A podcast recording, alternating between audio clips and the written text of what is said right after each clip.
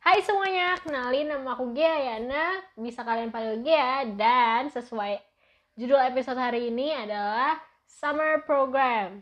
Jadi Summer Program ini adalah program musim panas di Jepang dan aku jalanin selama dua minggu. Oke, jadi apa sih Summer Program itu? Nah, ini tuh gak cuma summer, ada winter sama spring. Jadi bisa dipilih aja dan lama waktunya itu jangka waktunya itu ada yang dua minggu, tiga minggu, satu bulan dan satu tahun itu kalau nggak salah. Kalian bisa cek summer program ini dan program-program yang lainnya ada di Japan Indonesia Network atau disingkatnya JIN. Tapi jangan cari JIN di Google karena kalau misalnya kalian cari JIN doang nggak akan keluar. Jadi tulisnya itu Japan Indonesia Network. Nanti di sana kalian bakal nemuin banyak banget program-program yang bisa kalian temuin. Pokoknya kayak kuliah di Jepang, SMA di Jepang, dan program yang aku mau ceritain hari ini. Jadi, aku itu ngambil yang summer program dua minggu di Fukuoka. Tapi, mungkin karena beda kondisi ya, waktu itu aku berangkat itu bulan Juli. Dan Juli itu emang kayaknya lagi mau ke summer kalau nggak salah tapi di Fukuoka itu musim hujan. Jadi kayak eh, nggak bisa dibilang summer banget tapi ya bisa dibilang summer karena masih dapat matahari walaupun sisanya hujan terus. Nah aku pergi itu tanggal 8 Juli setelah aku kelar magang. Magangnya masalah PKL internship magang itu aku akan bikin episode sendiri. Ternyata kayak tanpa magang itu kayaknya episode-episode yang SMA atau SMK duka sebelum kuliah kayaknya nggak nyambung tanpa episode magang. Jadi abis summer program ini aku bakal ceritain tentang pengalaman-pengalaman magang aku. Walaupun magangnya cuma sekali sih tapi nggak. Tapi maksudnya kayak dukanya tuh banyak banget. Setelah kelar magang aku daftar summer program ini. Dan inget banget ya aku ini daftarnya itu telat. Jadi kayak yang lain itu sekolah bahasa yang lain itu oke oke aku belum jelasin summer program itu apa. Jadi di Jepang itu ada yang namanya sekolah bahasa. Jadi kalau misalnya kita mau kayak kuliah atau SMA atau kayak pengen kerja gitu ya di Jepang kayaknya tuh wajib untuk satu tahun sekolah bahasa dulu. Karena orang Jepang itu nggak bisa bahasa Inggris kan. Jadi kayak wajib satu tahun sekolah bahasa dulu. Nah dari sekolah bahasa itu kita nanti bisa ujian bahasa yaitu N1, N2, N3, N4, N5 atau JLPT yang ada di Duka sebelum kuliah. Jadi kalau misalnya kalian pengen tahu itu JLPT itu apa, kalian bisa ke Duka sebelum kuliah. Nah, karena waktu itu ya kalian dengerin Duka sebelum kuliah dulu ya sebelum ke sini.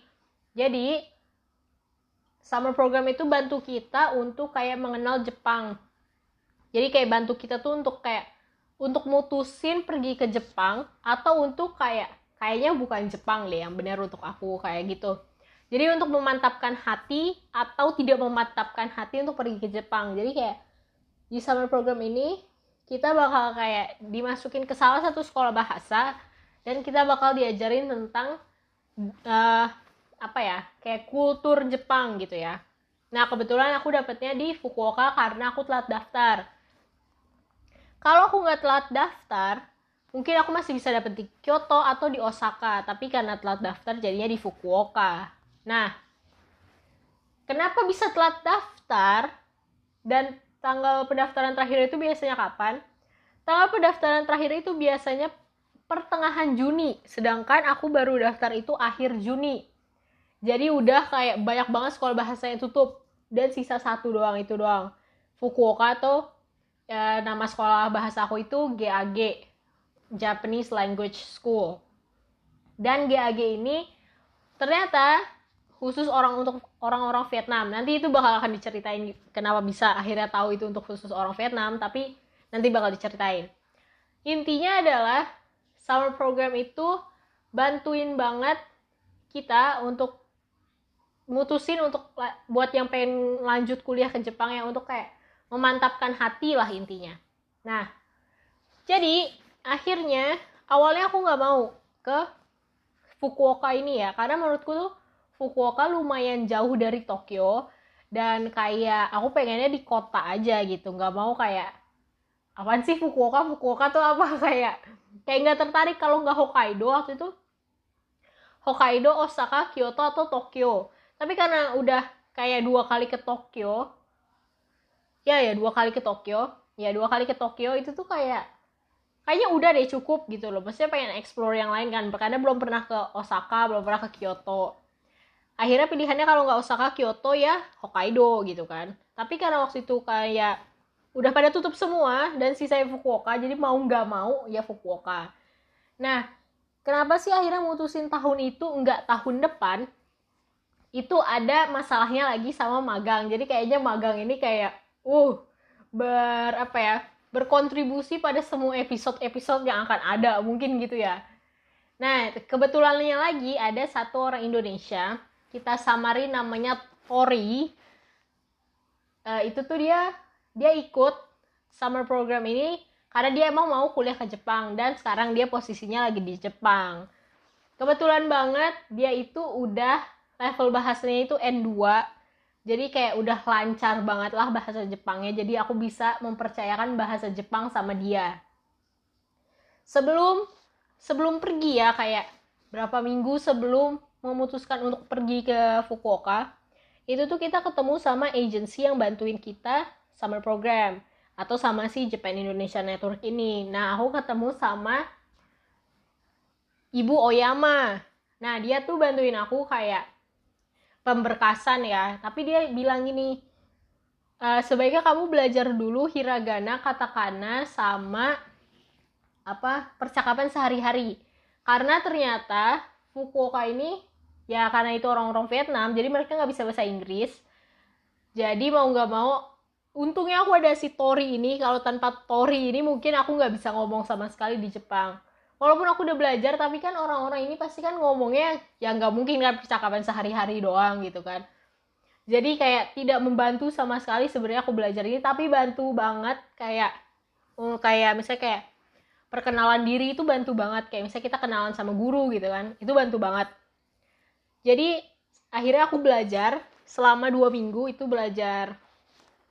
Enggak deh enggak aku belajar itu cuma kayak lima hari doang karena setelah magang kelar itu tuh kayak benar-benar belajar hiragana katakana hiragana katakana ini tuh huruf bahasa Jepang ya. Jadi huruf bahasa Jepang itu ada tiga hiragana katakana sama kanji. Nah karena kanji ini yang ribet kayak bahasa Cina emang bahasa Cina sih tapi maksudnya kayak Cina yang diadaptasikan ke Jepang.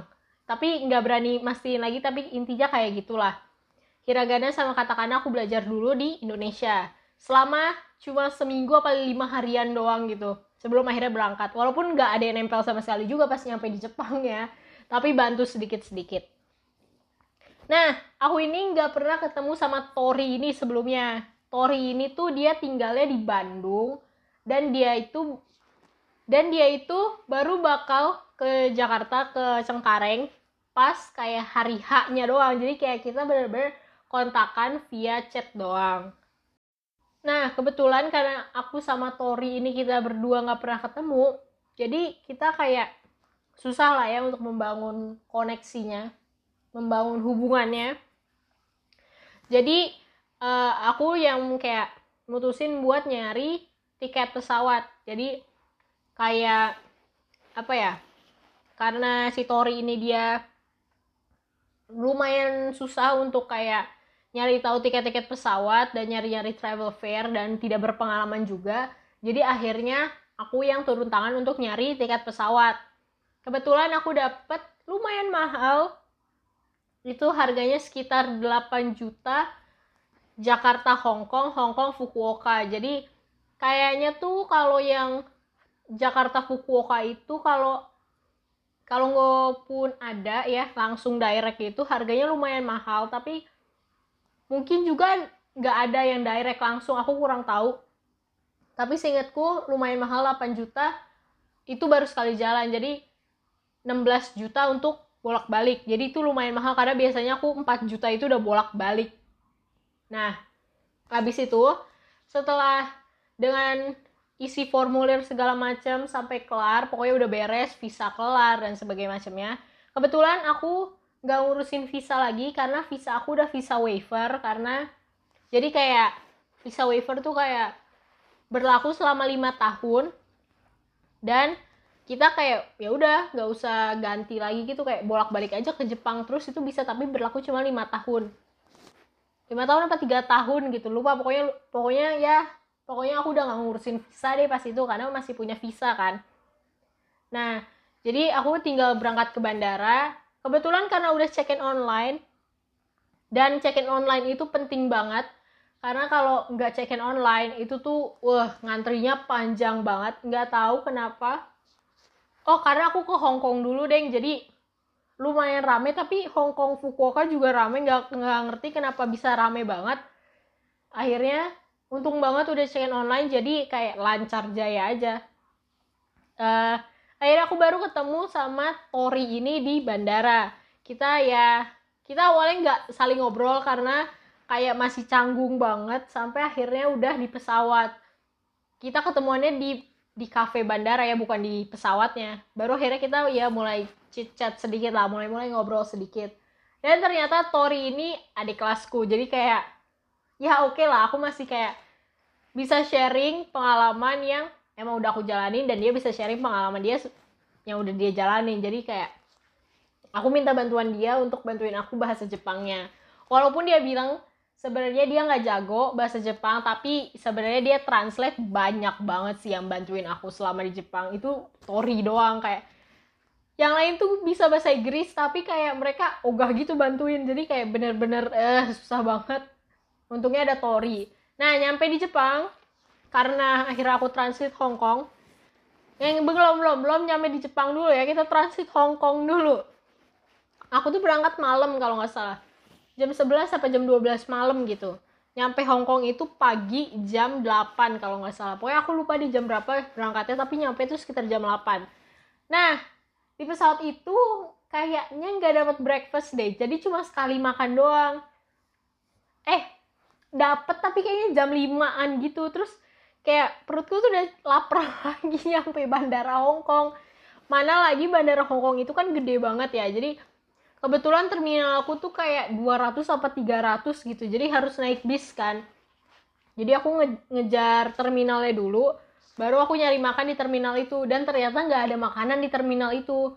Bahkan gift shopnya aja itu belum buka. Dan aku tuh uh, apa nuker uang dulu kan di bandara Hong Kong. Ya aku dapet tuh cuma kayak 10 dolar Hong Kong apa 100 dolar Hong Kong gitu. Pokoknya kayak nggak cukup banget untuk beli makanan. Ada satu restoran tapi restoran Cina dan ya aku karena nggak bisa makan babi jadi aku nggak bisa meyakinkan diri bahwa itu free dari babi gitu kan. Jadi mau nggak mau akhirnya aku buka tas dan cari roti dari Indonesia yang kebetulan aku bawa. Jadi dari Indonesia tuh aku bawa udah bawa perlengkapan makanan. Kayak roti rendang nasi goreng kue tiaw. Jadi bener-bener kayak udah prepare banget gitu bawa makanan jadi. Jadi kalau pas sampai Jepang tinggal microwave makan gitu. Atau kayak tinggal diangetin dikit makan. Jadi kayak aman damai sentosa adil gitu ya. Dari dari ya makanan-makanan yang seharusnya tidak aku sentuh gitu kan. Nah karena dan kebetulan itu tuh hampir kayak di hampir salah gate ya salah terminal. Karena kata pilotnya waktu di waktu masih di pesawat itu katanya masih bisa kemungkinan besar dirubah lagi sebelum waktu keberangkatan. Dan kita tuh udah kayak panik karena udah boarding tapi nggak ada orang yang datang jadi kita kayak loh kok nggak ada orang yang datang katanya soalnya dari Indonesia itu ke Fukuoka itu penuh kan dari Hong Kong Fukuoka itu penuh tapi ini kok nggak ada yang datang dan ternyata kayak aku tungguin nih kan 5 menit itu baru deh rame banget dan menyesal sekali karena nunggu 5 menit itu dulu untuk memastikan padahal udah jelas-jelas itu ke Fukuoka. Emang aneh banget sih pas itu. Akhirnya nyampe di Jepang kita dijemput sama pihak sekolahnya. Karena emang aku mutusin untuk minta dijemput aja karena aku nggak tahu Fukuoka itu kayak apa dan nggak berani so tahu karena aku nggak megang internet connection. Aku nggak beli wifi router dan sim card untuk ke Jepang dan sebagainya macamnya karena ya udah so tahu aja gitu merasa kayak ya udah nanti di, dikasih kok sama pihak ininya pihak sekolah bahasanya. Padahal mah enggak gitu kan so tahu banget emang parah. Akhirnya nyampe di Fukuoka itu aku nyampe pertama kali sama Tori. Yang sisanya rombongan sisanya itu belum pada dateng. Jadi aku kayak ngomong gitu sama pihak sekolahnya lewat Tori pastinya. Kayak untuk beli SIM card karena aku ngeliat Fukuoka tuh udah kayak kayaknya aku butuh SIM card deh. Kayak gak bisa gitu loh e, nyari wifi tiba-tiba gitu. Karena di bandaranya aja wifi-nya tuh nggak bisa connect. Jadi pas itu tuh udah langsung insting tuh udah bilang oke okay, ini harus beli SIM card. Dan masalahnya mesin vending machine untuk beli SIM card itu rusak. Jadi kayak kayak bener-bener kesel banget karena nggak bisa akhirnya pihak sekolahnya kayak berinisiatif untuk membelikan wifi router tapi untuk kayak satu rombongan besar gitu. Nah, kebetulan ya anak-anak rombongan lain ini pada datang. Setelah akhirnya ketemuan, ada satu orang yang dia tuh translator Vietnam, orang-orang Vietnam buat translator ke Jepang. Dia tuh kayak ketuanya gitu. Dia ngomong ke aku, tapi pakai bahasa Jepang. Well, aku kan gak ngerti bahasa Jepang kan. Terus aku kayak Noel Noel Tori. Dan Tori tuh kayak gak nyadar gitu kalau dia tuh ngomong. Kalau aku tuh Noel dia maksudnya kayak Tori tuh nyadar kalau aku Noel dia tapi dia tuh nggak nyadar kalau dia tuh diajak ngobrol sama si orang ini. Nah orang ini kita bilang misalnya namanya Bin ya. Si Bin ini tuh ngomong sama Tori.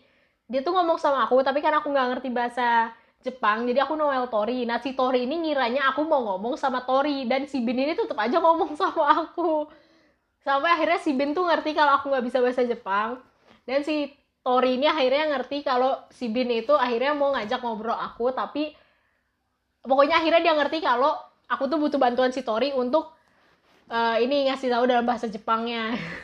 Pokoknya susah deh ngejelasin dia akhirnya uh, kita dibawa ke apartemennya. Anehnya lagi adalah jadi tuh uh, mereka tuh nyediain mereka tuh bawa mobil kan si pihak sekolah bahasa ini mereka bawa mobil. Tapi buat aku sama Tori tuh kita nggak dapet space. Bahkan untuk naruh koper tuh udah nggak bisa. Terus aku kayak oh oke okay, berarti kita naik bis atau enggak kita naik kereta? Enggak ini keren banget. Karena naik taksi kayak di pikiran aku tuh waktu itu kayak oke okay, berarti kalau kita naik taksi mahal. Dari kedua tuh berarti lama gitu kan. Berarti ini sekolah bahasa kaya banget. Karena pikiran aku tuh kayak Fukuoka itu kayak bandara Cengkareng gitu ya. Kayak jauh dari ibu kota gitu ya. Maksudnya kayak kalau mau ke misalnya kalau mau ke mana ke Pancoran gitu kan butuh sekitar dua jaman gitu. Nah aku mikirnya udah kayak gitu karena bandara Tokyo juga gitu. Kalau mau ke Tokyo-nya bandara Haneda ya bandara Haneda atau Narita tuh kayak lumayan lama untuk nyampe Tokyo-nya. Jadi aku pikir kayak wah kita naik taksi kaya banget dong ini sekolah bahasa. Karena di Jepang itu taksi itu tergolong mahal ya karena buka pintu aja itu udah 15 ribu apa udah 100 ribu gitu lupa deh. Emang tergolong mahal banget aku udah kayak oh, oke. okay. Aku udah mikir kayak oh oke okay, berarti kita naik kereta kalau atau enggak naik bis ternyata enggak naik taksi terus kayak wah gila ini sih kaya banget orang-orang ini. Akhirnya setelah berspekulasi ternyata enggak kayak Bandara Halim. Bandara Halim itu kan emang udah di kota gitu kan ya kayak deket ke pancoran ya. Misalnya kita ambil katakanlah kotanya itu pancoran gitu ya itu tuh deket jadi kayak naik taksi tuh ya murah gitu kan. Akhirnya aku juga mikir akhirnya tuh kayak di akhir waktu itu ya akhir-akhir hari sebelum pulang ke Indonesia aku pernah muterin Fukuoka kayak iseng gitu sama Tori itu berdua muterin Fukuoka dan ternyata deket jadi kayak dari bandara ke apartemen aku tuh lumayan deket banget. Kayak aku jalan kaki tuh cuma kayak 15 menit jalan kakinya orang Jepang gitu ya kayak ya lari-lari gitu. Jadi kayak oh sebenarnya ya pantesan murah gitu loh. Kayak kayak makanya mereka berani untuk naik taksi. Jadi kayak ya orang deket gitu kan ya. Nah akhirnya setelah nyampe setelah nyampe naik taksi itu nyampe di apartemen aku kedapetan di lantai 4 dan anak laki-laki itu kedapetan di lantai tiga. Itu curang sih sebenarnya. Harusnya kita yang lantai tiga. Tapi karena lantai empat itu kamarnya lumayan luas makanya itu dikasih buat kita dan karena ada dapurnya karena aku kayak bawel gitu karena sebagai anak SMK Tata Boga gitu kan ya kayak pokoknya aku mau masak pokoknya aku mau ada kitchenware gitu kayak gak tahu pokoknya aku gak mau tahu harus ada dapur kayak udah fix gak bisa diganggu gugat. Akhirnya nyampe di apartemen. Nah di apartemen ini ada struggle-nya lagi. Pas baru nyampe apartemen itu kan struggle-nya yang gini aku harus ngangkat koper 17 kilo ke lantai 4 naik tangga. Jadi di di Jepang tuh apartemen tuh jarang banget yang namanya ada lift. Jadi kita harus bawa geret itu koper berat-berat untuk nyampe lantai 4 itu bener-bener kayak capek banget. Mana tangganya tuh kecil-kecil gitu kan. Jadi kayak kita nggak bisa naro untuk apa nggak bisa naro si kopernya di tangga selanjutnya. Kalau di Indonesia kan kita masih kayak ngambil satu terus taruh di di tangga atasnya kan. Nah di Jepang tuh nggak bisa kayak naruh satu di tangga selanjutnya kita taruh itu udah pasti jatuh itu koper. Jadi bener-bener harus diangkat terus sampai lantai 4 nah si Tori ini enaknya dah dia tuh dibantuin sama pihak sekolah bahasanya. Dia tuh kayak ya udah tenang aja gitu tidak melihat ke belakang. Dan aku juga malu kan buat manggil dia kayak weh bantuin dong. Kayaknya belum etis banget karena baru kenal berapa jam gitu kan ya akhirnya dia noleh ke belakang lihat aku yang kayak kesusahan karena aku harus ngejar si orang ini kan. Aku harus ngejar si pihak bahasa orang yang ngebantuin apa orang yang mandu kita ke apartemen ini harus aku kejar kan biar kayak aku nggak ketinggalan dan nggak lost tiba-tiba. Akhirnya si Tori bantuin dan emang diakui punya apa koperku tuh lebih berat karena koper dia tuh sekitar 10 kiloan dan koperku tuh 17 kilo gitu kan. Akhirnya kita berdua bawa itu sampai kamar sampai kamar ya sampai apartemen. Nah kebetulan pas nyampe itu kita udah ada orang. Bukan salah satu peserta juga dia umurnya sama kayak kita. Dan dia orang Vietnam karena emang itu sekolah bahasa untuk khusus Vietnam kan. Jadi rombongan nih rombongan yang datang setelah aku itu ada sekitar 10 orang. Jadi total total itu ada 12 orang. Jadi 10 5 dari mereka itu laki dan 5 dari mereka itu perempuan. Jadi satu itu uh, ngikut uh, apa ngikut apa ngikut satu ke apartemen aku sama Tori. Terus empat lagi itu uh, apa keluarga. Limanya lah eh Iya, yeah, iya, iya, iya, bener, bener, sorry, sorry. Kan 10 orang ya, satunya itu ngikut ke apartemen aku, empatnya itu keluarga, ya empatnya itu keluarga, tiganya itu di kamar cowok, nah duanya lagi ini nyusul nanti, nyusulnya itu nanti, nyusulnya itu pokoknya ada lah ceritanya. Nah, akhirnya aku kenalan lah sama si orang Vietnam ini, namanya Tu, Tu ya, kita samarin namanya Tu, dua ya TWU gitu ya. Namanya tu.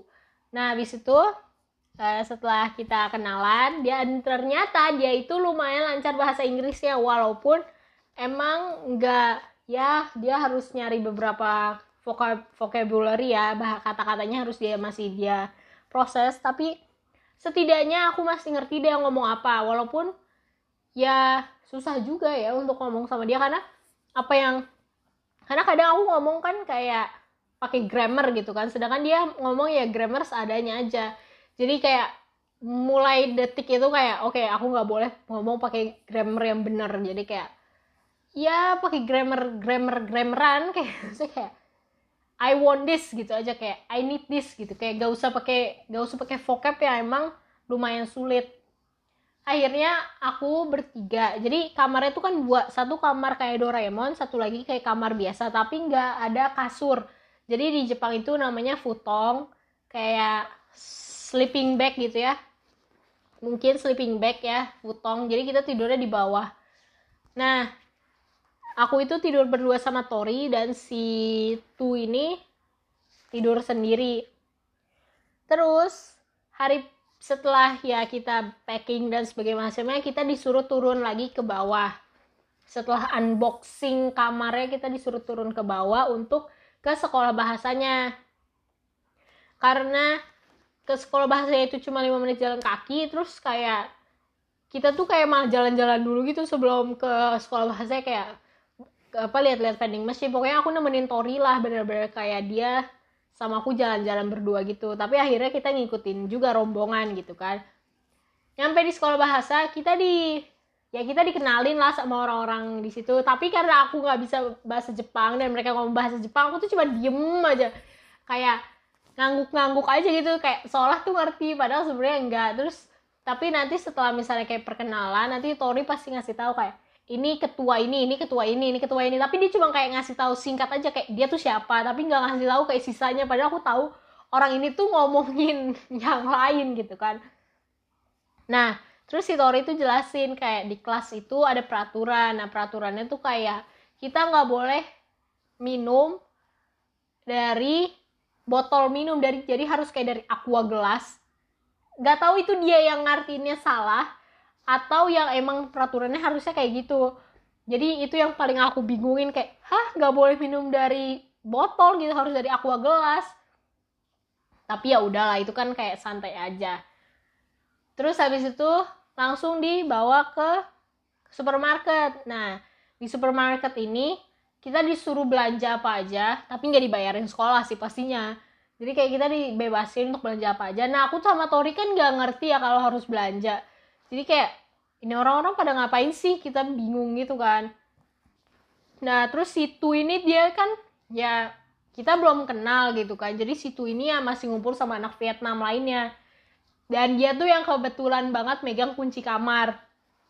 Karena pokoknya kita udah bisa trust dia lah kayak tiba-tiba kita bisa ngasih kepercayaan kalau ya udah kamu aja yang megang kunci kamar gitu. Kayak udah bener-bener percaya kalau situ ini bisa megang kunci kamar. Akhirnya kayak aku sama Tori ini cuma kayak ya udah ngeliling aja gitu ngeliling supermarket ya lihat-lihat. Ternyata adalah supermarket itu udah mau tutup. Dan disuruh beli itu biar kayak ya nggak kehausan atau kelaparan malamnya. Dan karena aku sama Tori ini nggak beli apa-apa jadi kita tuh bener-bener kayak nyampe rumah tuh kayak ya gila nih lapar dong. Dan nggak karena nggak ada minum juga kan karena ya emang harus dibuang kan kalau mau naik pesawat.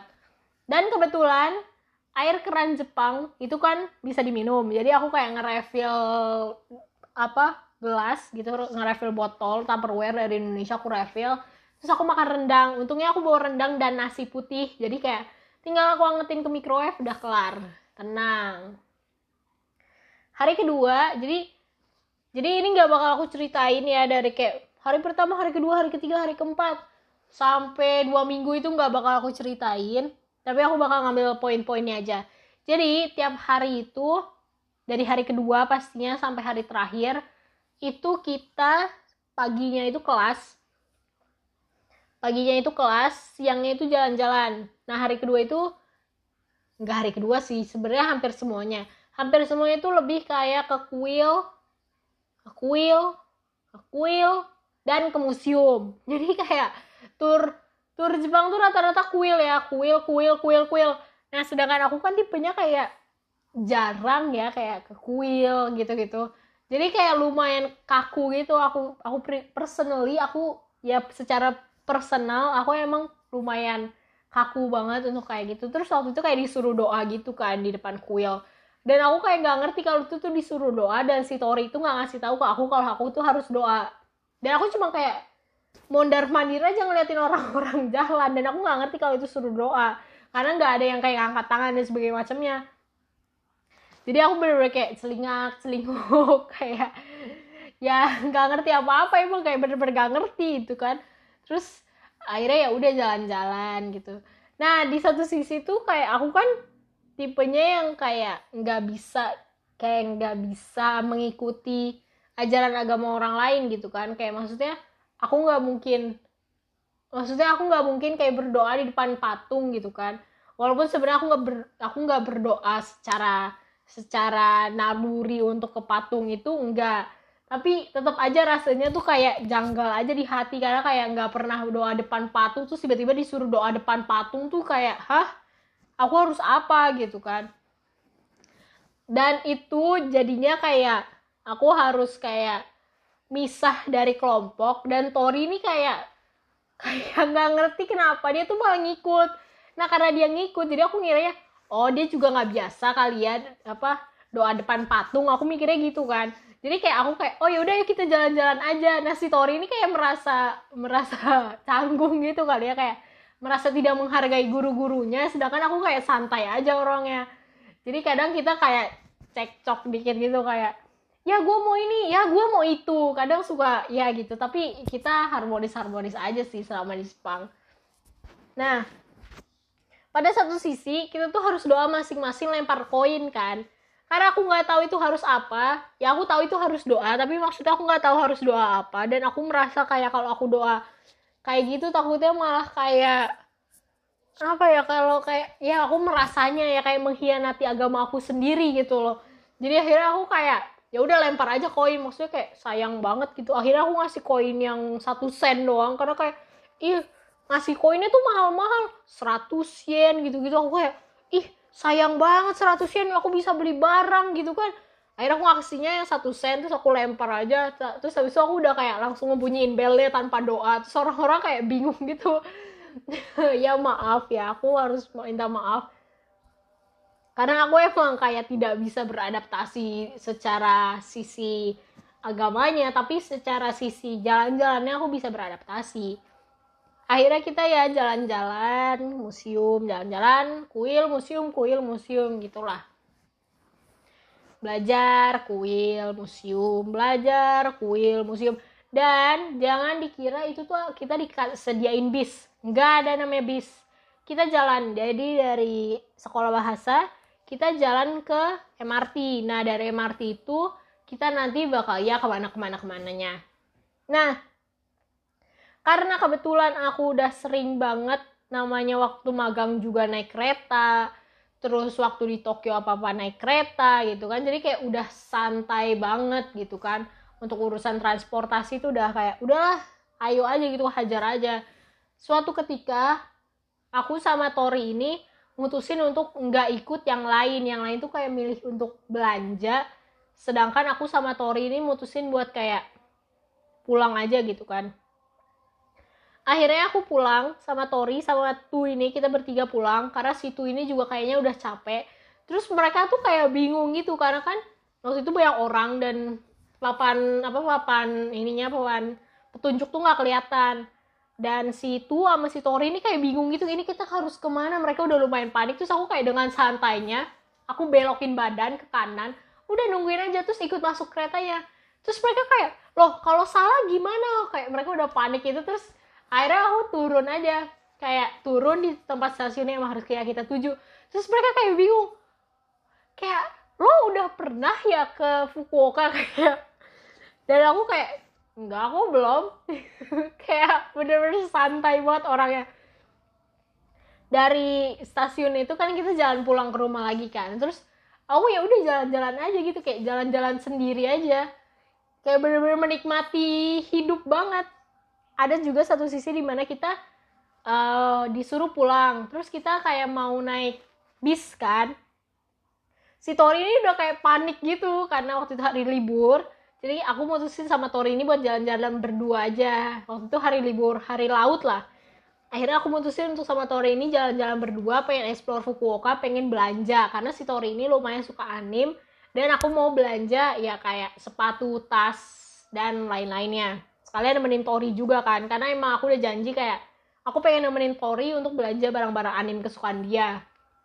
Akhirnya aku nemenin itu sampai kita kayak sampai jam 5an gitu dari jam 7 pagi sampai jam 5 terus abis itu dia tuh kayak kan kita naik bis kan pulangnya karena biasa kita naik bis terus si Tori ini panik gitu kayak ayo udah turun aja turun aja di sini.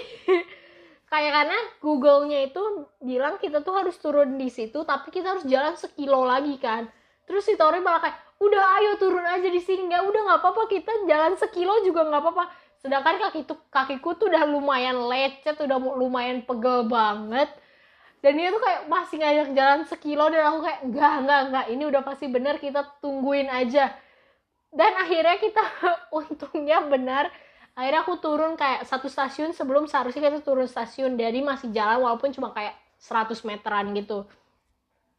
Si Tori itu udah bener, -bener kayak panik karena dia tuh dia mengakui dirinya sendiri bahwa dia tuh butuh buta arah. Dan aku sendiri juga sebenarnya buta arah tapi ya masih tahu lah kalau baca Google Maps itu masih bisa harus ke mana gitu kan. Nah masalahnya waktu turun itu Google Maps itu bilangnya ke kanan dan aku malah ke kiri. Jadi malah makin nyasar jauh lumayan rada jauh. Jadi jadi aku nyasar sekitar berapa ya? 100 meter mungkin ya. Dan harus balik lagi sekitar ya jadi nambah harusnya 100 meter jadi 200 meter. Jadi kayak 300 meter gitu jalan. Itu kaki udah bener-bener gempor dan nyampe rumah tuh udah bener-bener kayak udah I just want sleep. I need to sleep gitu. Tapi uh, Tori ini juga baik ya orangnya. Dia mungkin tahu ya kontribusi aku itu banyak. Sebenarnya aku juga tidak merasa mengkontribusikan diri terhadap sesuatu padahal dia lebih banyak kontribusi karena dia translate bahasa Jepang dan sebagainya macamnya. Dia tuh baik banget.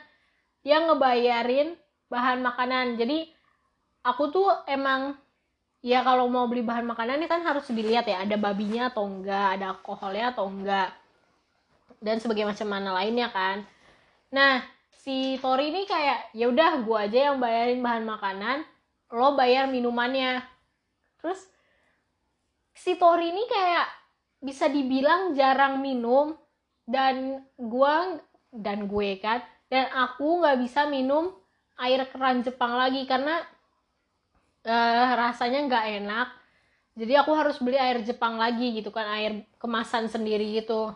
Dan karena si Tori ini jarang minum jadi ya bener-bener air minum tuh aku yang beli. Jadi ya apa yang aku beli ya, ya aku bayar. Tapi si Tori ini kayak kan aku masak untuk kayak bertiga gitu kan.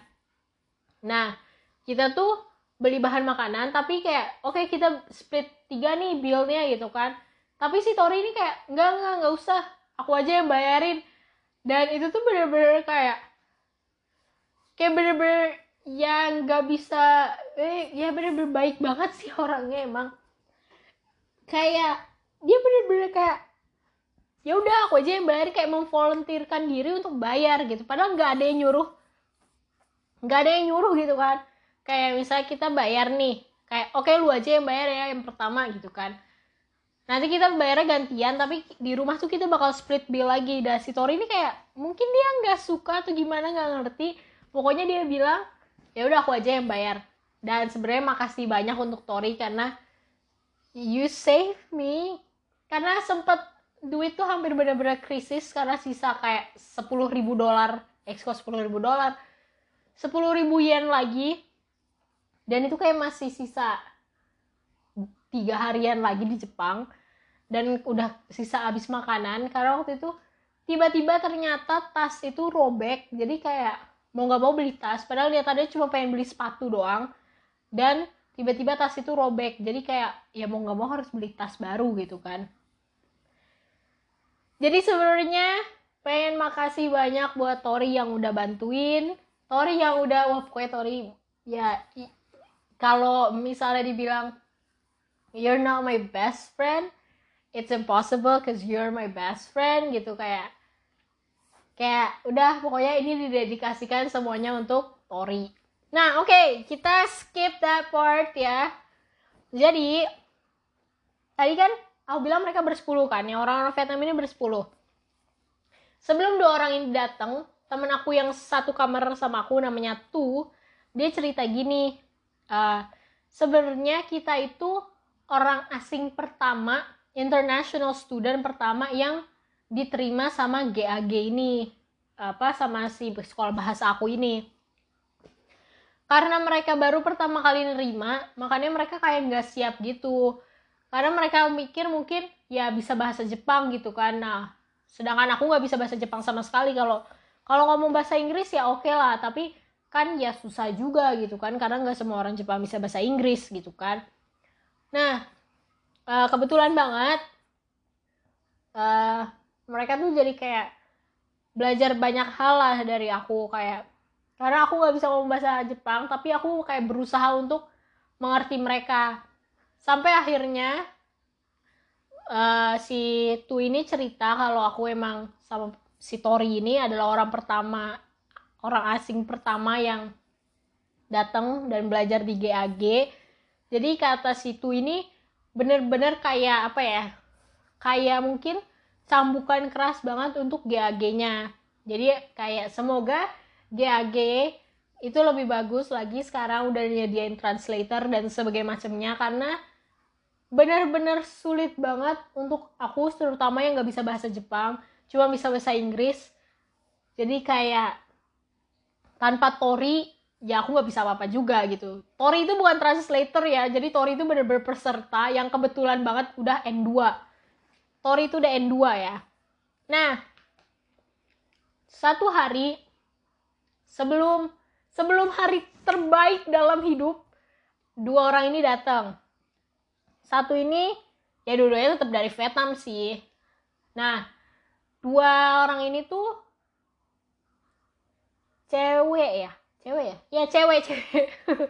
Dua orang ini tuh cewek dan dua-duanya itu nginepnya di apartemen aku. Nah kapasitas untuk nginep di apartemen aku itu cuma empat orang Berarti kan lima orang kan totalnya. Jadi aku, Tori, tuh sama dua orang ini. Nah, karena aku rada risih sama dua orang ini, mereka tuh kayak menurut aku rada jorok ya. Dan aku bener-bener kayak nggak bisa gitu. Maksudnya kayak aku kan biasanya tempat tuh terat, tertata gitu kan ya kayak naruh ini di sini, naruh itu di sini kayak udah fix gitu dan mereka tuh kayak malah menghancurkannya dan aku juga rada nggak suka sama dua orang ini. Makanya akhirnya aku ngomong lah ke pihak sekolahnya kalau uh, setahu aku cuma bisa empat orang doang. Tapi kayak aku nggak mau apa nggak mau bikin ini jadi hal besar. Makanya aku cuma kayak sebenarnya niatan aku tuh nanya bukannya harusnya empat orang doang ya? Kok jadi lima orang? Sebenarnya niatan aku tuh cuma nanya gitu doang tapi kayaknya jadi perkara masalah ya.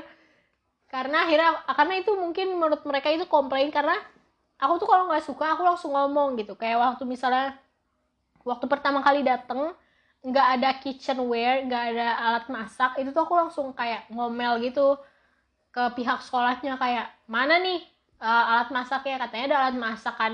Mana nih ininya mana nih ininya? Jadi kayak mungkin mereka benar-benar kayak nggak mau dikomplain lagi sama aku. Jadi akhirnya mereka membenarkan ininya apa perilakunya gitu kali ya. Nah abis itu apalagi kan lupa. Oh ya akhirnya sebelum sebelum mereka berdua ini dipindahkan dari kamar tidur aku kita udah keburu nginep di hotel. Jadi kayak ada satu hari di mana itu kita nggak ada kelas kita langsung pergi kayak ke hotel gitu pagi pagi siang siang. Oh ada kelas deh tetap ada kelas. Abis kelas itu kita disuruh pulang. Ya kita kayaknya disuruh pulang deh. Oh enggak enggak enggak enggak. Dari pagi. Eh dari pagi apa dari siang ya?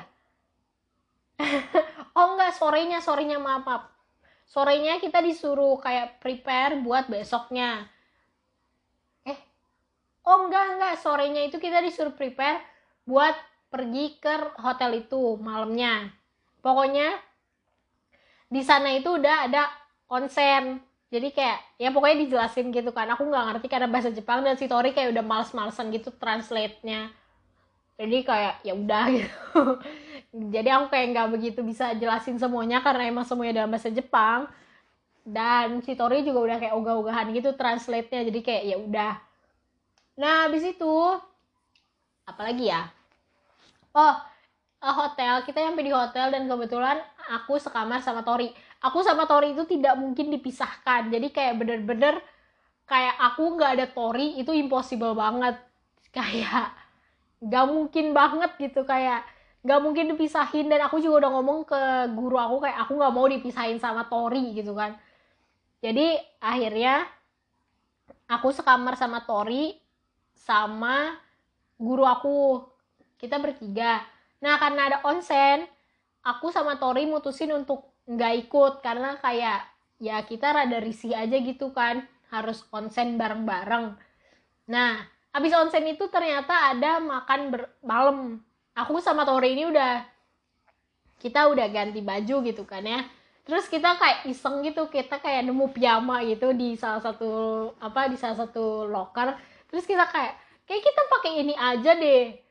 Terus uh, karena aku kayak nggak mau pakai pakai piyama doang tanpa ada daleman jadi aku pakai kaos baru ini baru piyama. Dan untungnya apa tiba-tiba tuh kayak dipanggil sama si Bin untuk makan sore. Karena aku juga udah teriak-teriak kayak ah aku butuh makan aku lapar banget. Karena gak dikasih tahu karena dibilangnya ada makan sore dan kita nggak dikasih tahu kalau apa kalau makan sorenya itu habis onsen dan harus turun sendiri kita nggak tahu. Akhirnya aku turun sama Tori. Terus kita kayak udah bingung gitu kayak kita tuh apa tamu terakhir yang ditunggu gitu. Dan itu tuh nggak cuma eh, nggak uh, cuma kayak kita maksudnya bukan cuma peserta GAG aja ya. Itu tuh ada kayak petinggi-petinggi GAG-nya juga. Terus kayak ada kata kata si Tori tuh ada Miss Sakura atau apa aku nggak ngerti. Pokoknya Miss Missan gitu ya Miss Universe Miss World atau apalah itu. Nah kebetulan banget kita tuh kayak pas datang tuh kayak diliatin sama orang gitu kan. Terus untungnya aku bawa handphone jadi aku bener-bener bisa kayak mengabadikan momennya. Dan abis itu kan dikasih makanan dong itu kan jamuan makan malam. Itu tuh bener-bener ya yeah, the best moment ever in my life lah ya kalau bisa dibilang tuh bener-bener gak gak bisa ngomong banyak karena itu bener-bener enak banget makanannya kayak uh, aku karena aku nggak bisa makan apa yang Ori makan ya. Jadi kayak aku aku tuh makanannya beda sendiri daripada yang Vietnam anak-anak Vietnam lain sama Tori. Jadi makananku tuh special gitu ya. Kayak khusus gitu khusus untuk aku gitu. Nah kebetulan pas uh, apa pas apa sih namanya? Pas apa sih ya oh apa sih? Pas appetizer ya itu. Pas appetizer itu aku dapet buah melon kayak seperempatnya gitu. Sebuah melon buah stroberi terus apalagi ya? Sama semangka sama anggur kalau nggak salah ya nah kalau buah Jepang mah nggak usah ditanya ya enak banget. Jadi kayak bener-bener kayak wah ini sih jamuan mewah ya. Sampai dikasih melon tuh berarti udah mewah banget karena melon di Jepang itu sejutaan harganya. Jadi kayak dapat seperempat aja tuh udah bersyukur banget gitu. Nah habis itu sup. Karena aku nggak apa ya kayak itu sup kacang ijo. Karena aku dari Indonesia emang udah gak begitu suka sup kacang ijo. Jadi pas nyampe di Jepang tuh kayak rasanya aneh gitu. Walaupun kata temen Vietnamku yang nyoba itu enak banget dan akhirnya dihabisin sama dia. Terus dia bilang gini I envy of you. Kayak dia bilang kayak aku tuh iri sama kamu. Kayak dapat makanan tuh yang enak-enak sedangkan punya aku tuh biasa aja. Padahal aku tuh pengen banget dapat makanan dia. Karena dia dapat daging dapat ya pokoknya dapat kayak shabu-shabu gitu. Well aku kayak ya dapatnya buah gitu kan karena kayak muslim food itu pas di pesawat juga dapetnya buah kayak vegetable buah pokoknya sayur buah sayur sayur gitu. Kayak ya bosen gitu kan pengennya yang kayak daging dagingan gitu kan. Jadi dia iri sama aku aku iri sama dia. Terus abis itu akhirnya main course datang. Nah main course-nya aku nggak mungkin iri karena main courseku tuh enak banget. Main courseku tuh ada tiga ya ada tiga. Yang satu laginya jadi oke. Okay. yang pertama itu dapat steak nggak tahu pokoknya itu enak banget. Sampai nggak bisa nggak bisa dijabarin karena saking enaknya. Terus yang kedua itu dapat kaviar jadi scallop terus dikasih kaviar atasnya dan udah itu pokoknya the best. Karena aku gak pernah makan kaviar dan itu pertama kali makan kaviar. Jadi kayak oh ternyata kaviar seenak ini gitu kan padahal rasanya ya kayak telur ikan salmon biasa gitu kan. Tapi ya ya wah aja gitu karena nggak pernah makan kaviar gitu kan. Dan yang ketiga adalah dapat seafood isinya udang sama kerang. Nah terus abis itu dessertnya aku dapat puding. Iya puding. Puding apa es krim gitu? Kayak dua-duanya deh. Jadi aku tuh kayak dikasih gitu sama orang lain. Jadi kayak misal dia nggak suka puding nih terus dia ngasih ke aku ya udah aku makan. Terus kebetulan banget Tori itu nggak suka sashimi sashimi mentah gitu kan. Jadi sashiminya Tori dimakan aku. Terus dikasih lagi sashimi sama orang lain aku yang makan. Jadi itu bener-bener kayak kayak bener-bener dikasih gitu. Jadi itu enak banget makannya unforgettable moments banget. Sampai akhirnya aku tuh disuruh perkenalan diri kayak ya karena mereka nggak ngerti bahasa Inggris jadi aku nggak bisa jelasin kenapa aku milih uh, kenapa mau summer program di Jepang. Jadi aku cuma bisa perkenalan diri doang kan. Nah karena aku perkenalan diri juga waktu di kelas itu rada kagok kayak ae ae ae kayak gitu ya. Belum lancar. Jadi itu aku bener-bener kayak yang lain tuh perkenalan diri aku tuh kayak bener-bener latihan bahasa Jepang sama Tori kayak watashi wa sampai akhirnya ya perkenalan diri gitu kan. Terus aku kayak perkenalan diri terus ditanya gini apa? Nihongo Egogo. Maksudnya tuh kayak bahasa Jepang. Eh ego apa ego ya? Gue lupa pokoknya intinya tuh kayak nanya bahasa Jepang atau bahasa Inggris gitu kan. Terus aku kayak dengan pedenya gitu Nihongo. Harusnya aku jawabnya bahasa Inggris tapi kata Tori udah jawabnya Nihongo aja. Karena aku ngomong itu sambil ngeliat Tori juga. Jadi kayak mataku tuh natap audiens tapi sebelahnya lagi tuh natap Tori. Gimana jelasinnya rada repot tapi intinya gitu. Pokoknya si Tori tuh ngebantuin aku untuk nyusun kalimatnya. Jadi kayak Hajime mashite watashi wa gitu. Dan akhirnya aku pass karena aku misalnya nih ya ngomong aku uh, misalnya 18 tahun gitu. Eh 15 tahun gitu kan misalnya you go eh misalnya 17 tahun ya misalnya 17 tahun. Jadi Ju Nanasai. Tapi aku tuh suka bilangnya tuh Ju Nanasei. Dan itu kayak sering banget bahkan di kelas juga kayak Ju Nanasai Ju Nanasei kayak gitu makanya kayak butuh bantuan Tori banget untungnya dibantuin. Makasih banyak untuk Tori. Terus akhirnya aku pass mic-nya ke dia. Setelah pass mic-nya ke dia aku nanya dong dia ngomong apa aja terus dia bilang enggak enggak enggak penting enggak penting. Karena kata temen aku pas ditranslatein sama si Bin itu kata temen aku yang Vietnam kata situ ini si Tori ini rada bahasa itu rada rada repot gitu. Nah abis itu tidur dong. Balik lagi kamar terus tidur. Terus paginya dapat breakfast. Nah breakfastnya ini nggak nggak kayak kemarin ya di kayak di jamu gitu kan nggak breakfastnya ya ya udah kayak apa prasmanan gitu kayak waktu kita makan di hotel-hotel aja. Masalahnya karena ya aku nggak bisa makan karena isinya tuh sosis daging gitu kan. Nah terus kayak aku tidak yakin bahwa itu dagingnya daging sapi dan itu sosisnya sosis sapi. Jadi tuh ya udah makannya ya sayur lagi. Sampai akhirnya aku nemu kari. Karinya bener-bener pure kari. Gak ada daging-dagingannya. Jadi ya kayak aku udah kayak nggak mikir lagi kayak udahlah ambil aja. Bahkan norinya tuh aku ambil sampai aku bawa ke Indonesia gitu. Sampai sekarang masih ada. Aku mau ambil berapa ya? Norinya tuh aku ambil 10 10 ya 10 10 tuh aku bawa ke kamar. 10 nya lagi aku makan di tempat. Sampai kayak sampai kayak sampai kayak aku bolak balik gitu sampai diliatin sama Tori kayak buset dani orang. Dan akhirnya kita pulang ke ke apartemen lagi Nah, abis pulang ke apartemen itu, aku itu kan udah kayak hamin tiga sebelum pulang kan.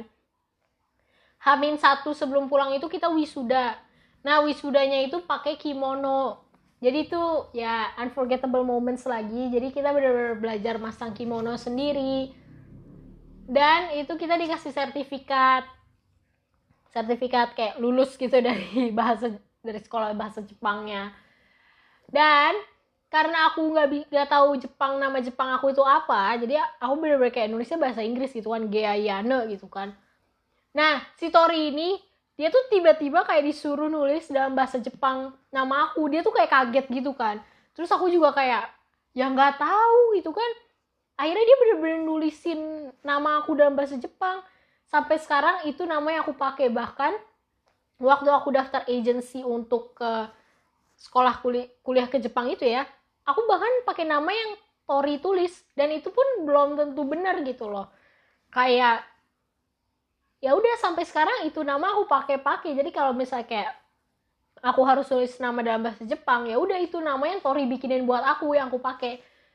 Dan dan agensi aku tuh mikirnya ya itu tuh yang dari sekolah gitu kan itu yang emang dibikinin sekolah gitu kan. Tapi nyatanya enggak itu yang dibikinin sama Tori dan yang sampai sekarang aku pakai. Dan aku bangga pakai nama itu daripada yang dibikinin sama agensi aku. Akhirnya kita wisuda pakai kimono foto-foto pokoknya bener-bener last day banget sedih banget. Dan hari terakhir itu kita kayak di disuruh rundingin gitu mau ngapain kan dan pilihannya itu pada mau ke Hakata. Hakata itu kayak jantung kota Fukuoka mungkin ya bisa dibilang. Nah kebetulan karena barangku banyak barang-barang yang harus aku packing itu banyak akhirnya aku packing itu kayak aku tuh tiap mulai dari kapan ya?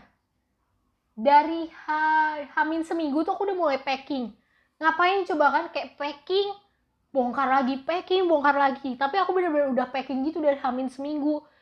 Dan pas hari H tuh udah kayak udah tahu gitu tempat-tempatnya mau gimana gimana tuh udah udah udah tertata rapi. Tapi pas aku coba tutup itu udah nggak bisa. Jadi harus bener-bener didudukin baru ditutup. Dan itu jadi drama lagi ya. Dan aku tuh udah niat.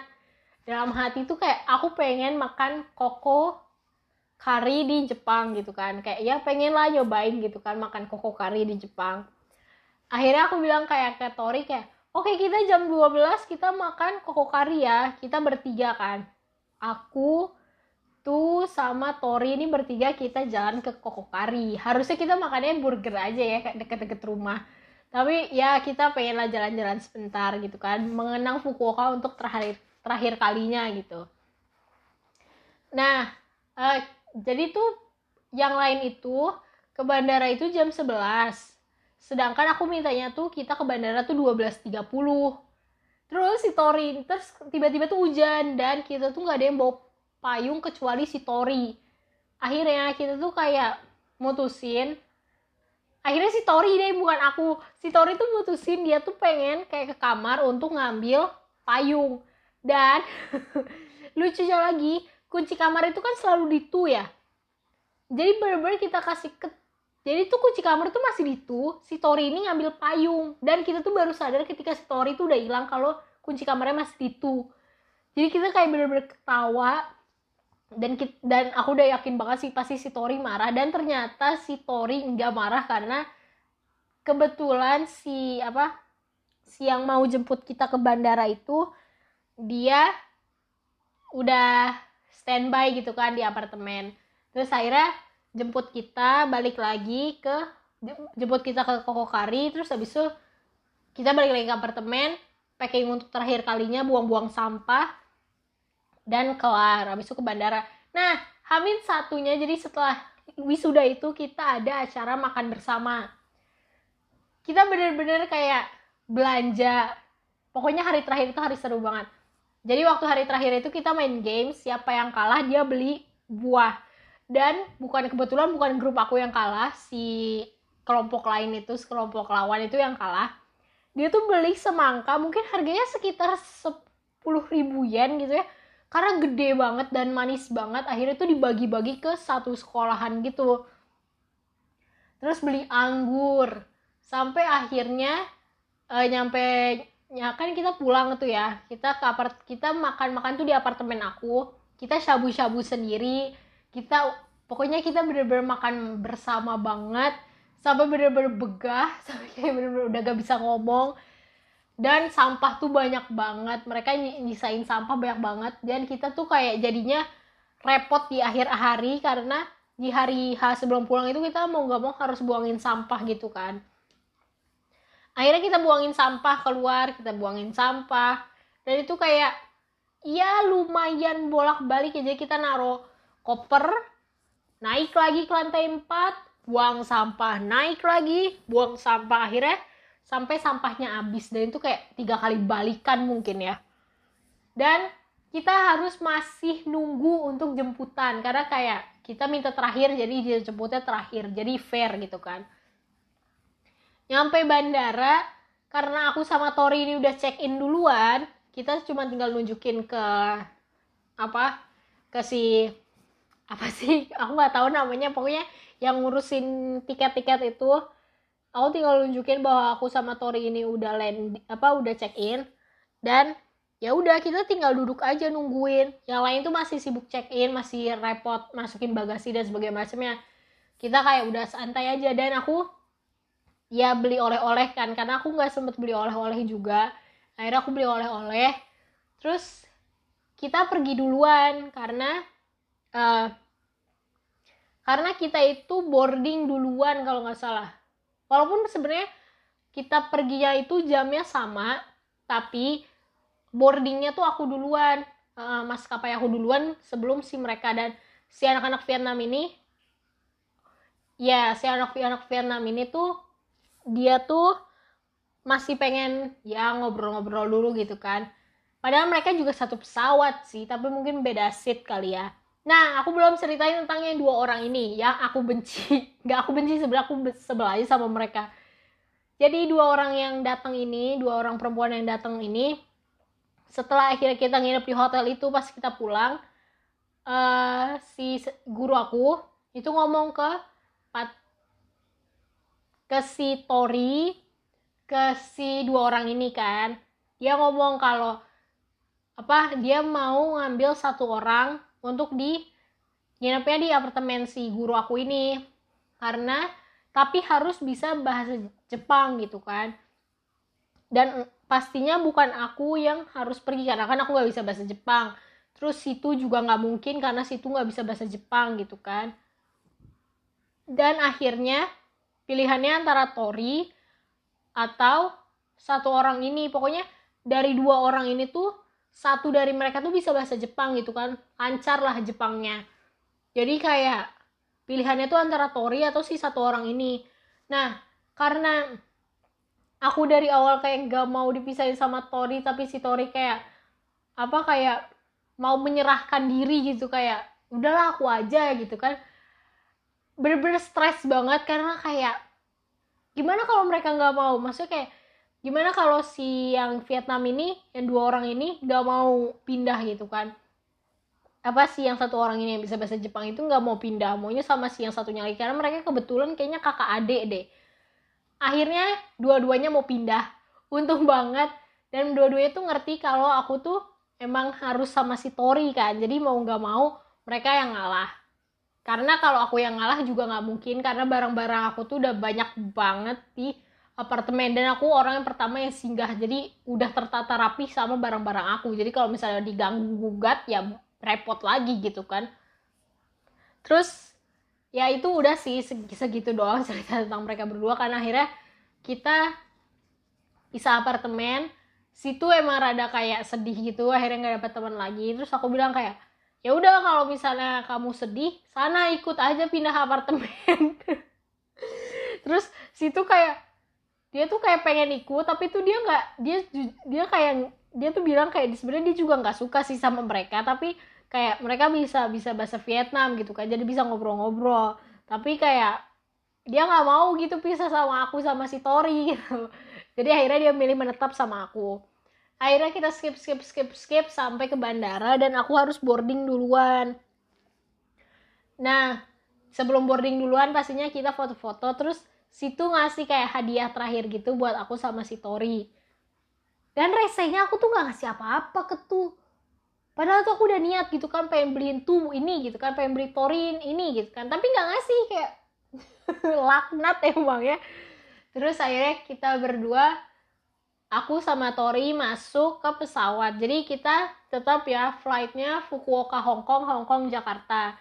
Nah di Hong Kong kebetulan aku tuh emang udah niat. Jadi waktu pas yang pertama kali nyampe di Hong Kong aku tuh udah ngeliat Hong Kong coklatnya tuh murah gitu kan. Aku udah kayak oke okay, fix aku balik dari Fukuoka aku beli apa beli apa sih namanya coklat. Dan aku udah nyiapin satu tas isinya untuk coklat gitu kan. Terus pas mau bayar itu tuh si Tori ini nitip. Dan aku tuh gak ada duit dan itu bener-bener kayak panik gitu kayak kayak untuk si Tori ini ada uang Hong Kong gitu kan dan akhirnya dia bayar punya dia dan dan aku bayar punya aku sih untungnya. Untungnya dia punya uang Hongkong bayangin dia nggak punya uang Hongkong gila kan. Kayak kita bisa kayak ae ae ae mana antrian di belakang kita lumayan panjang pas beli itu pas beli oleh-oleh. Akhirnya sampai di bandara Indonesia itu jam 1 malam dan aku paling gak sukanya bandara Indonesia gini nih. Aku nyampe nih ya nyampe di bandara aku jalannya lemot banget kayak bener-bener kayak ogah-ogahan gitu. Terus aku masih ke toilet dan toiletnya itu nunggu karena ada dua flight yang nyampe sebelum aku. Jadi aku masih harus nunggu toilet.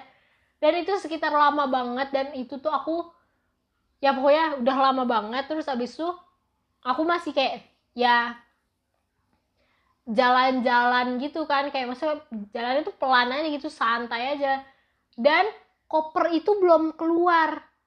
Kayak bayangin gitu kan aku udah turun dari pesawat lama gitu kan jalannya kayak ya kayak siput gitu kan udah malam gitu kan. Terus pipis itu pipisnya juga lama kayak 30 menitan.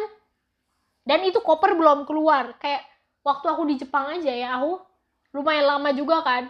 Terus aku pipis dulu terus ngurusin visa dulu eh ngurusin apa imigrasi dulu itu koper tuh udah ditaro gitu udah kayak nggak di apa conveyor beltnya tuh udah udah nggak di atas itu lagi udah ditaro sisa kita koper kita berdua aja. Dan di Indonesia tuh belum keluar sama sekali kopernya. Bahkan conveyor beltnya aja tuh belum mulai. Dan aku kayak hah? Kita udah selama itu tuh conveyor beltnya belum mulai. Akhirnya nunggu lagi conveyor belt. Udah nih conveyor belt koper aku udah keluar sama Tori udah keluar kita berdua kita berdua imigrasi kan. Imigrasinya repot lagi karena aku e-paspor jadi kan ada gate khusus gitu kan untuk e-paspor. Dan lumayan apa lumayan pendek gitu antriannya daripada paspor yang ada orang apa imigrasi ada orangnya gitu kan. Ya udah aku masuk situ dan ternyata enggak lama banget lebih parah malah daripada yang imigrasi orang itu tuh bener-bener kayak sensornya tuh nggak mau nggak mau jalan. Entah internet Indonesia yang lemot atau gimana nggak ngerti. Pokoknya tuh kayak aku ngecap apa scan sidik jari gitu kan. Kayak nggak mau gitu hampir harus berkali-kali. Dan untungnya aku kayak ya percobaan ketiga tuh akhirnya lolos gitu kan. Udah masuk. Dan si Tori tuh nggak bisa-bisa akhirnya dia ke imigrasi ada orangnya dan harus nunggu lagi gitu kan dan aku tuh kayak mantau gitu Tori sama si orang yang di belakang Tori ini. Keluar duluan mana? Si Tori baru si orang itu. Jadi kayak aku bener, -bener kayak wow. Emang ya lama banget. Makanya aku kayak aku tuh nunggu sejam doang untuk e-paspor itu. Kayak ya ampun. Akhirnya ya ya akhirnya sih kelar sih untungnya. Terus akhirnya aku dan dan bener-bener orang imigrasi ini nggak helpful banget. Kayak kita tuh kesusahan gitu kan untuk kayak scan paspor. Dan orang imigrasinya tuh cuma diem aja liatin doang kayak nggak ada nggak ada apa ya nggak ada pergerakannya untuk membantu gitu. Jadi kayak hah? Bantuin kayak apa kayak lihat doang bener-bener kayak, kayak aku kesel banget sih. Kayak dia tuh cuma bener-bener duduk terus kayak udah duduk aja gitu liatin. Kayak tidak merasa berdosa di saat antrian tuh makin panjang. Jadi kayak bener-bener gak ada rasa manusiawinya mungkin ya. Aku bener-bener marah sih kayak hah? Yang bener aja dong kayak. Orang nih kayak satu orang nih depan aku nih dia tuh kayak udah scan. Kayak aku harus liatin kayak dia scan tuh hampir kayak berapa 10 menit tuh nggak kedetek detek dan dia tuh masih tetap nyoba dan orang ini tuh kayak diem aja. Orang yang ngurusin e-paspor ini kayak diem aja imigrasi e-paspor tuh diem aja nggak ngapa-ngapain. Dan aku bener-bener kayak hah? Kayak sini semua orang tuh kesusahan dan dia diem aja kayak tidak merasa ingin membantu sama sekali dan kayak ya udahlah wajarin aja emang sistemnya tuh rusak. Aku bener-bener kayak hah? Apa banget sih? Gitu kayak hah? Hah? Kayak harus digituin sih. Akhirnya aku bener-bener kayak kesel banget. Akhirnya aku nungguin Tori dan akhirnya aku keluar dan aku balik ke rumah di Indonesia ya. Rumah di Indonesia ya udah nyampe bandara Indonesia soalnya. Jadi sekian. Maaf kalau bener-bener ceritanya ngawur dan sebagainya macamnya. Maksudnya alurnya tuh kayak maju mundur maju mundur gitu ya. Jadi maaf banget semuanya. Makasih udah dengerin cerita kali ini. Makasih udah dengerin episode kali ini Sampai jumpa di episode selanjutnya yaitu tentang magang atau prakrin atau PKL. Jadi sampai jumpa di episode selanjutnya. Terima kasih buat yang udah dengerin episode kali ini. Nama aku Giana, bisa kalian panggil Gia. Dadah!